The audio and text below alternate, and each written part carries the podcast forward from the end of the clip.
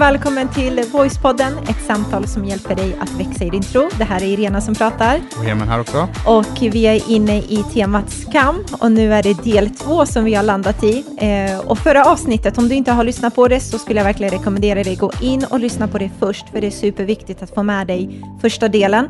Men då pratar vi lite vad som är skillnad mellan det här med skam och skuld som vi kan känna ibland i livet och vad det faktiskt gör med oss. Eh, och det var tre olika grejer som skammen gör med oss. Det är att vi vill dölja oss, vi vill gömma oss och vi känner rädsla också kring vad andra ska tänka och tycka och framförallt hur Gud ska tänka och se på oss. Så det pratade vi om, så det skulle jag tipsa dig om att göra. Men nu så är vi inne i del två eh, som heter ett nytt sätt att se på sig själv. Mm. I det förra avsnittet så eh, bjöd du på dig själv.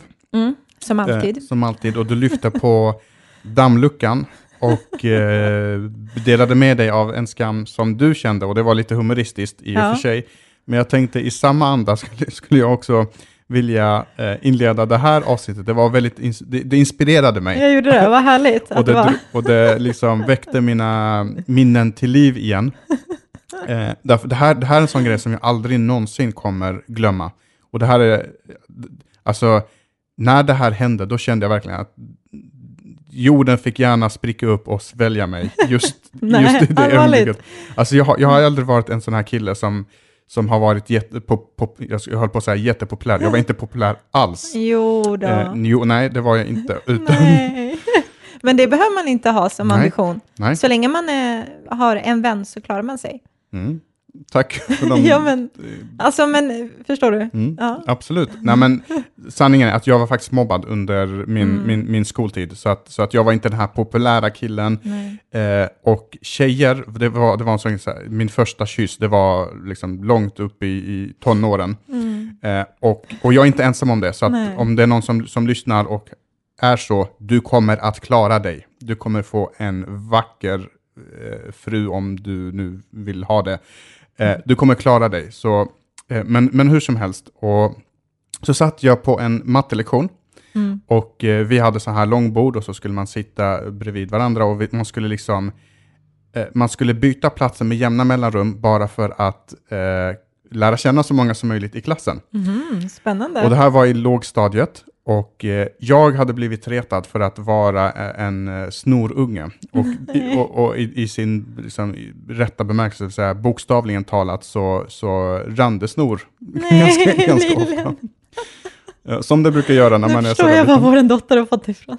Nej, Nej, ja. ja. men då satt jag bredvid och, och, så, och så eh, var det den här liksom, veckan då vi skulle byta platser med varandra. Och då var det en tjej som jag var jätteintresserad av.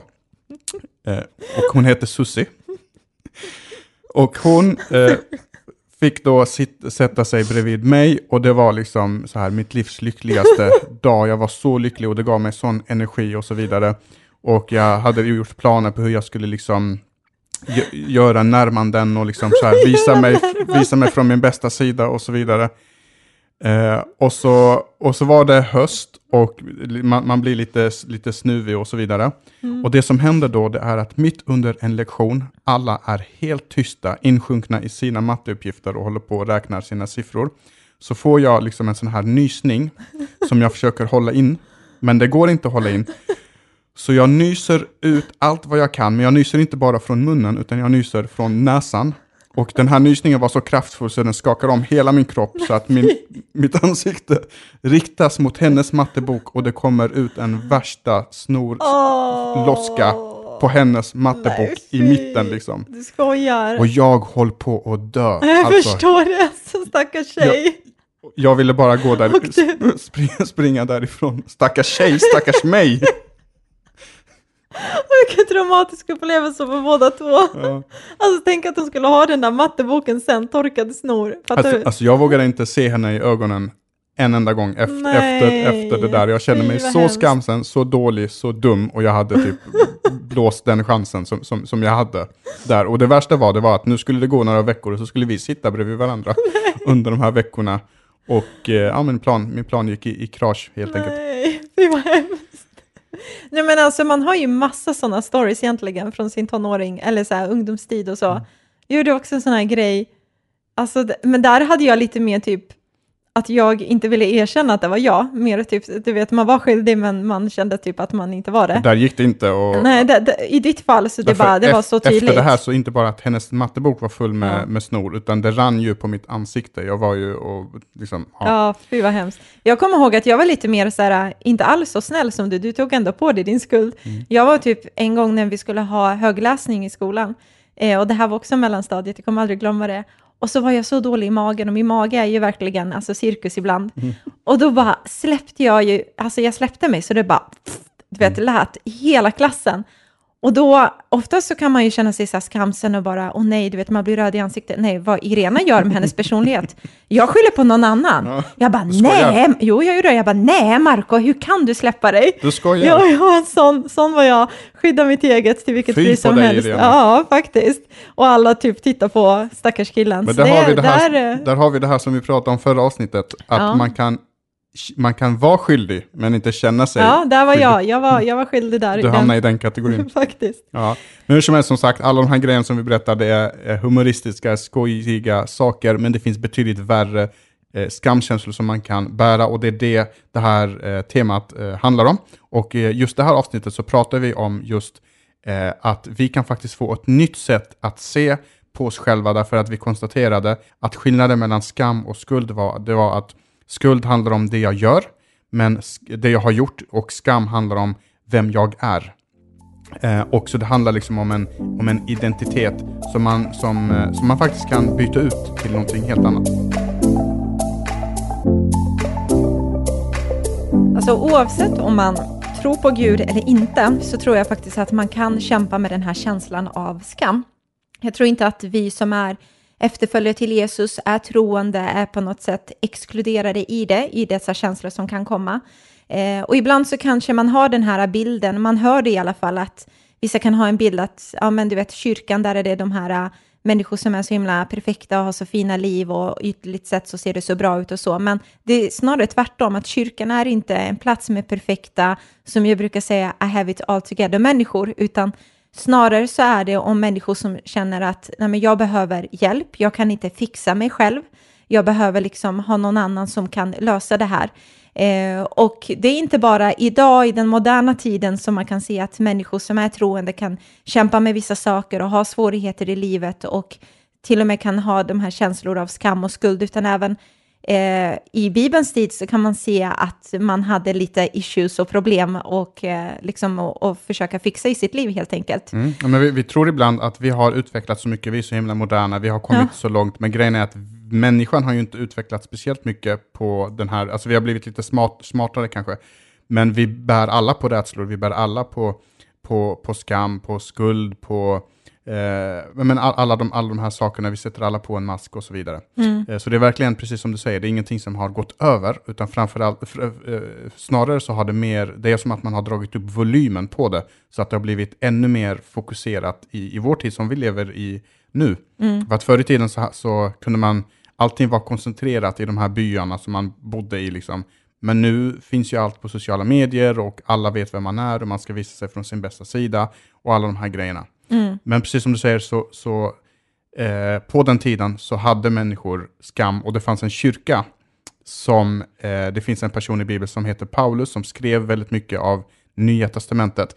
Och han skrev inte bara ett brev till de här, utan han skrev två olika brev med instruktioner och eh, också tillrättavisning för att de gjorde vissa väldigt märkliga saker i den här kyrkan. Så mm. om man tycker att min kyrka är, här, här finns det märkliga människor, då, eh, då var det här snäppet värre. Ja, men det var det. Alltså, om man läser i första och andra Korinthierbrevet så ser man lite vad de kämpade med, vad de hade för issues.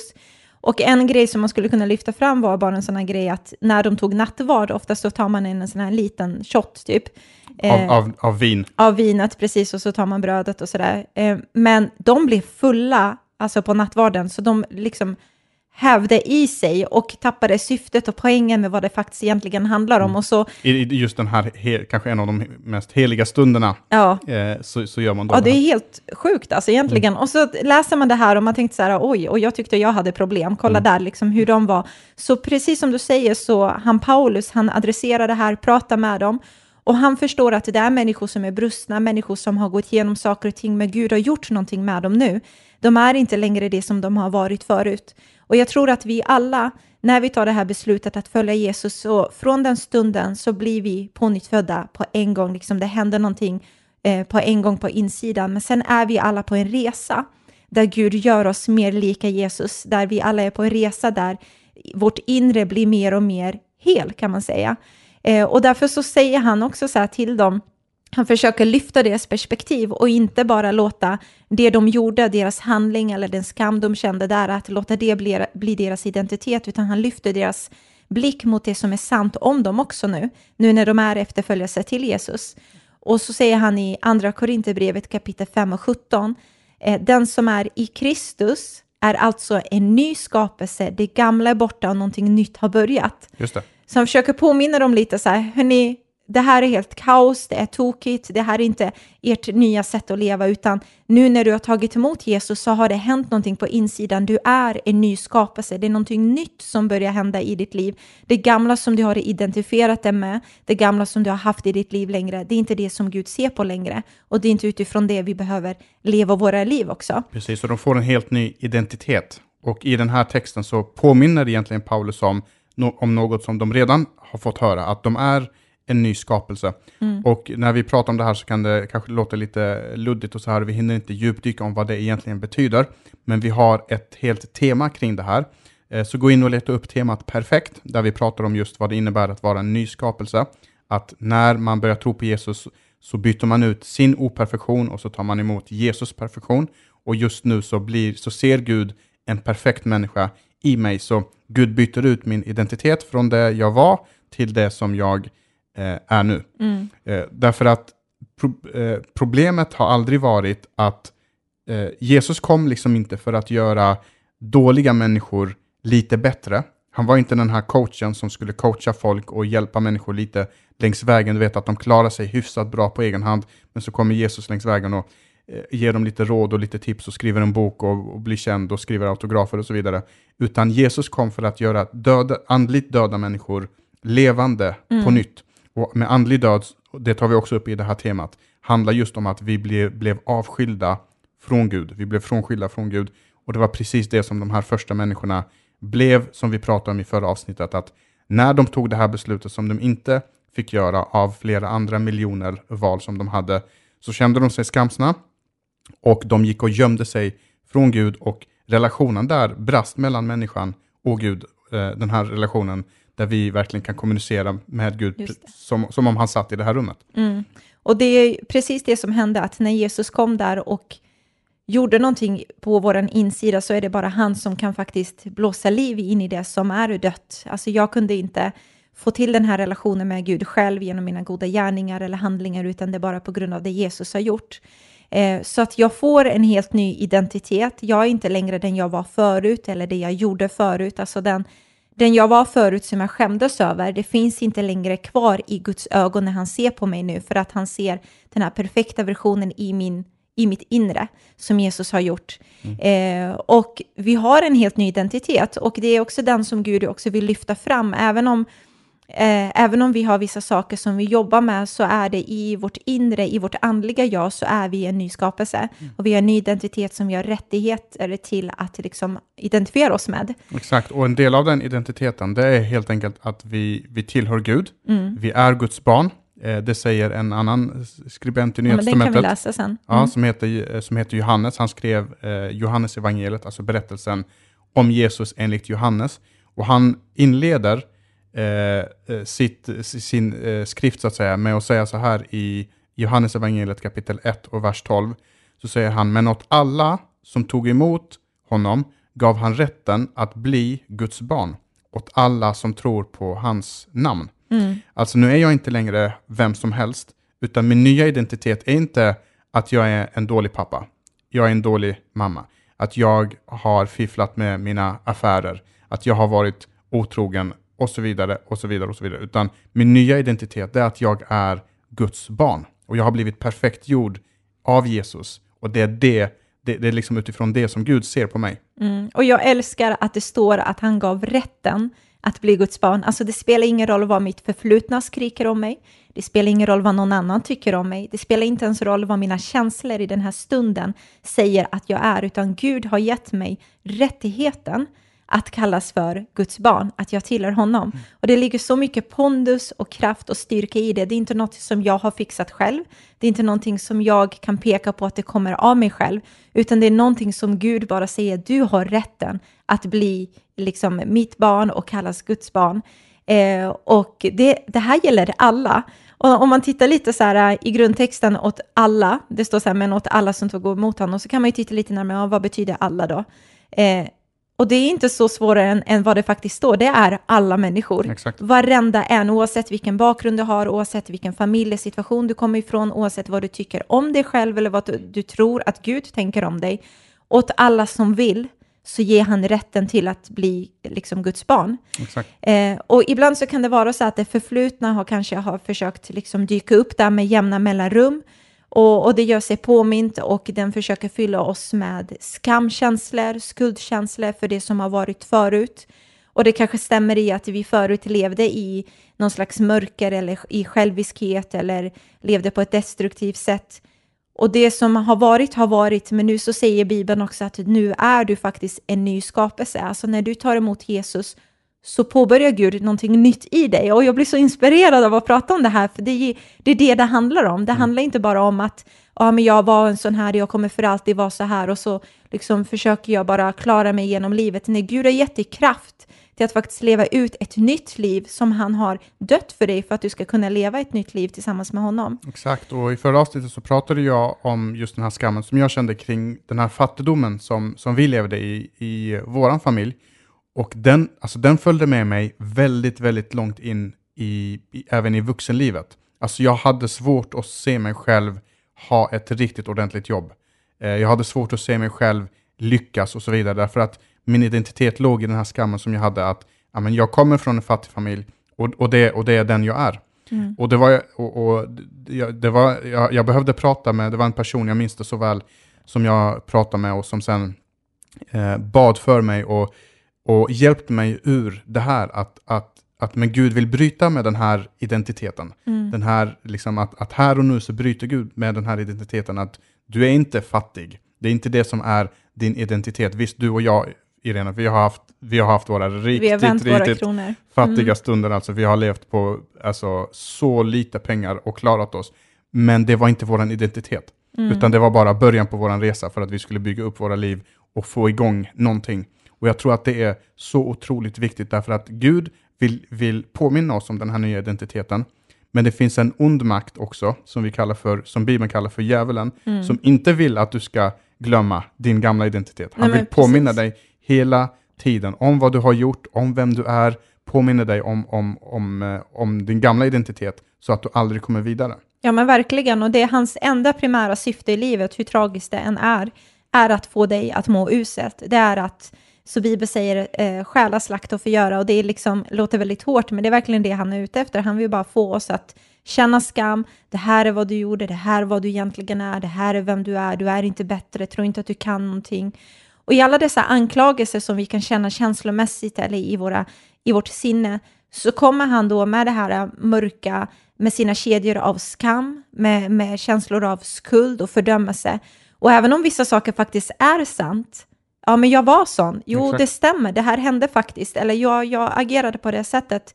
Även om det är sant så tar inte min resa slut där, utan Bibeln säger att fortfarande att när jag nu har tagit emot Jesus så är det gamla förbi och någonting nytt har kommit. Och därför är det sån liksom, styrka tycker jag i det att vi gör inte den här resan själva eller kämpar i vår egen kraft, utan Bibeln pratar om att oavsett vad som kommer emot dig av tankar, skam, skuld, så finns det ingen fördömelse. Mm. För när du tar emot Jesus i ditt hjärta och säger det är du och jag Gud, du är min Gud, jag vill bara följa dig nu, så, så finns det ingen fördömelse längre, utan mina skulder, är betalda en gång för alla och när mm. Jesus hängde där på korset så bar han min skam.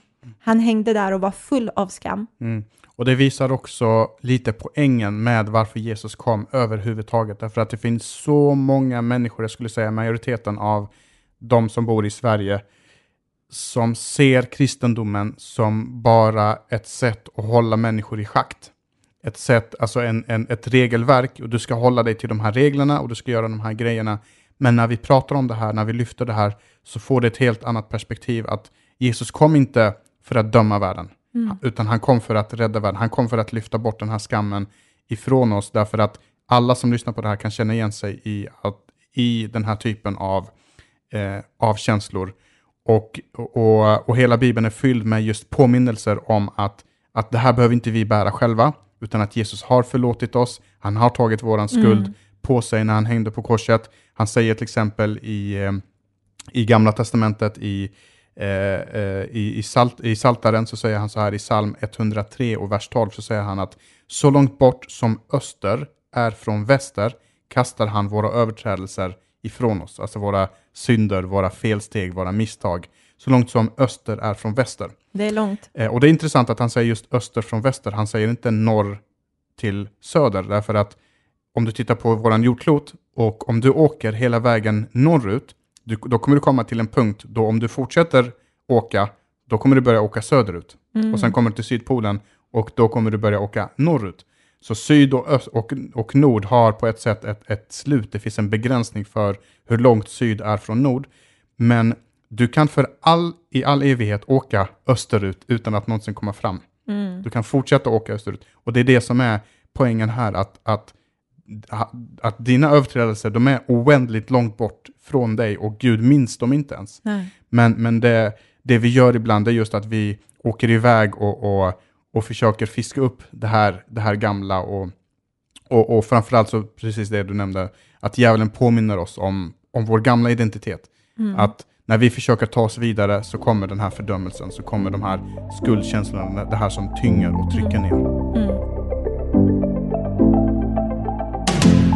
Och därför säger också Bibeln att ännu en gång att det finns ju ingen fördömelse för den som tror på Jesus. Och ibland så kan vi hamna i den situationen i vår relation till Gud att ja, men ändå så är det någon slags eh, liksom fördömelse på insidan, att vi känner att det är någonting som dömer mig här inne. Oftast är det vårt hjärta faktiskt som är den som anklagar oss, som är den som säger du är inte tillräcklig, eh, som är den som pekar på det här som inte riktigt är helt bra. Och jag tänker att vi ska läsa den eh, bibelversen. Och då står det i eh, första Johannesbrevet kapitel 3 och vers 18 till eh, 23. Mina barn, låt oss inte älska med tomma ord utan med praktisk handling och sanning. Då vet vi att vi är av sanningen och våra hjärtan kan känna sig trygga inför honom, även om vårt hjärta fördömer oss. För Gud är större än vårt hjärta och vet allt. Mina kära, om vårt hjärta inte dömer oss så kan vi vara frimodiga inför Gud och vad vi än ber om ska vi få av honom eftersom vi håller hans bud och gör det som behagar honom. Detta är hans bud, att vi ska tro på hans sons Jesu Kristi namn och älska varandra så som han har befallt oss. Mm. Eh, och jag tror vi rörde vid det här i början, just det här att man kan känna sig skyldig men inte vara det och man kan vara skyldig men inte känna sig skyldig. Och det beror lite grann på att i vårt hjärta, och nu förstår jag att det inte är vårt fysiska hjärta för att hjärtat är en pump, men det är en metafor på mitt inre jag. Mitt inre jag, precis, min själ och så vidare. Eh, vårt hjärta har en moralisk kompass, men den moraliska kompassen, den är trasig. Mm. Och därför kan jag ibland göra dumma saker, men inte känna någon skuld över det, därför att min kompass är trasig. Men jag kan också, efter att jag har blivit troende och Jesus har tagit bort allt det här ifrån mig, eh, mina skulder, så kan jag fortsätta känna skuld trots att jag inte är skyldig mm. på grund av min, att min kompass är lite trasig och behöver komma ikapp de här nya sanningarna som, som, som gäller om mig. Eh, och, och jag älskar det här just, just att alltså hela, hela det kristna budskapet handlar om, när, när Jesus försöker sammanfatta det, men vad handlar det här om? Ja, men du ska älska din nästa som dig själv och så ska du älska Gud av hela ditt hjärta, din kraft och din själ och förstånd och så vidare. Mm. Och, och så säger han att hela lagen, alltså alla regler, allting som var i det gamla förbundet, det fullbordas i det här enda, att du ska älska din nästa som dig själv och älska Gud. Och, och då säger han att, att eh, när jag blir troende så kommer min drivkraft att förändras. Då kommer jag vilja att älska mina medmänniskor. Jag kommer inte att leva ett egoistiskt och självcentrerat liv där jag bara roffar åt mig och bara tänker på mig själv, utan jag kommer vilja tänka på andra människor. Jag kommer inte klara av det varje dag. Nej. Jag kommer inte lyckas hela tiden, därför att ingen av oss gör det, förutom Gud själv, förutom Jesus. Men viljan kommer finnas, och då säger han i de här verserna att låt oss älska, inte med tomma ord, utan med praktisk handling och sanning. Därför att om vi gör det, då vet vi att vi är av sanningen och våra hjärtan kan känna sig trygga. Alltså rädslan försvinner. Jag känner mig trygg i att jag älskar mina medmänniskor. Även om hjärtat fördömer oss. För då kan jag säga till mitt hjärta att Gud är större än mitt hjärta. Mm. Gud är större än mitt, min trasiga kompass. Han är större än de känslor jag känner i den stunden också. Han är större än allt det här som triggas igång i mig, som ibland kan upplevas så starkt och så verkligt. Exakt. Och så fortsätter han i vers 21 att mina kära, om vårt hjärta inte dömer oss, då kan vi vara frimodiga inför Gud. Alltså när är jag frimodig inför Gud? När är Gud min pappa och jag är hans barn och jag kommer in, alltså som våran dotter när hon kommer hem, alltså hon är ju så frimodig. Hon frågar ju inte om lov utan hon öppnar kylskåpet, tar för sig och så vidare därför att hon, det där är hennes. Så om vi ska känna de här känslorna inför Gud, att vi är frimodiga inför Gud, då kan vi inte ha ett hjärta som fördömer oss. Men om vårt hjärta fördömer oss, då kan vi tala om för vårt hjärta, fast vet du, det finns en annan sanning och den sanningen är att jag har en ny identitet. Att jag är perfekt i Guds ögon och så vidare och så vidare. Och så, säger, och så fortsätter han att jag, eh, vi kan tänka så och känna så eftersom vi håller hans bud. Och då kommer det, ja men nu, Just det, där fanns det- det någonting man skulle göra. man ska hålla, hålla hans bud, man måste leva rätt och så vidare. Och det ska man också göra. Och drifträtten kommer vara att man kommer vilja leva rätt. Ja. Men vad är hans bud? Jo, i vers 23, detta är hans bud. Att vi ska tro på hans son Jesus Kristus. Alltså min identitet bygger inte på vad jag gör, utan min identitet bygger på vem jag är eh, efter att jag började tro på Jesus. Att han ger mig en ny identitet. Eh, så hans bud är att vi ska, vi ska tro på hans son Jesus Kristus namn och älska varandra eh, så som han har befallt oss. Så fantastiskt alltså, för att det är så tydligt också i den här processen som vi kan känna i att vi vill någonting, hjärtat dömer oss, hur gör vi det nu i vår relation till Gud? Och precis som du säger så kan vi vara frimodiga inför Gud. För Bibeln säger än en gång att det finns inte längre något som har rättigheten att anklaga dig, att fördöma dig, för du är en ny skapelse nu. Och skulden är betald, det finns ingen mer skuld att betala. Skammen bar Jesus åt dig. Han vill inte att du bär den längre. Du behöver inte bära den bördan längre, utan du kan lägga det där vid korset och en gång för alla säga Jesus, bär allt i mitt liv. Jag vill inte bära det själv för att du har betalat priset för det här. Och jag brukar alltid liksom i de här dagarna, för du säger så här, äh, vi ska älska våra medmänniskor och vi ska, vi ska visa kärlek till varandra. Och precis som du sa så är vi inte perfekta, vi kommer att misslyckas. Och de dagarna då man känner så här, ah, jag gjorde en riktig tabbe, det är verkligen i de dagarna jag måste ha förberett mitt hjärta innan och haft den här identiteten i att Irena, även om du gjorde en riktig tabbe, även om du känslomässigt är så besviken och känner skuld kring det, så är du for- fortfarande Guds barn, så är du så älskad, Gud har fortfarande det här för dig och verkligen ha hakan uppåt och ryggen upprätad, inte i mig själv, men i det som är sant om mig. Exakt, Att- och- det är det som är just, just grejen, att, att det kommer komma dagar då mitt hjärta kommer fördöma mig. Jag kommer känna mig dålig, kanske med all rätt. Men de dagarna så kan jag övertyga mig själv att det här är inte slutdestinationen. Jag behöver inte stanna där och känna mig dålig och dum. Det här var en Utan- bump in the road, brukar jag tänka, så men- kör vi framåt. Exakt, det var en bump on the road och jag kan övertyga mitt hjärta och påminna mitt hjärta om en annan sanning som också finns. Och det i sin tur leder oss egentligen in i nästa veckas avsnitt som kommer handla just om det här. Två sanningar som hjälper dig att hantera skammen. Alltså, hur, när, när mitt hjärta fördömer, fördömer mig, vad gör jag då? Men vad gör jag med den här skammen? Vad gör jag med de här känslorna? Så det kommer vi prata om eh, i eh, nästa avsnitt.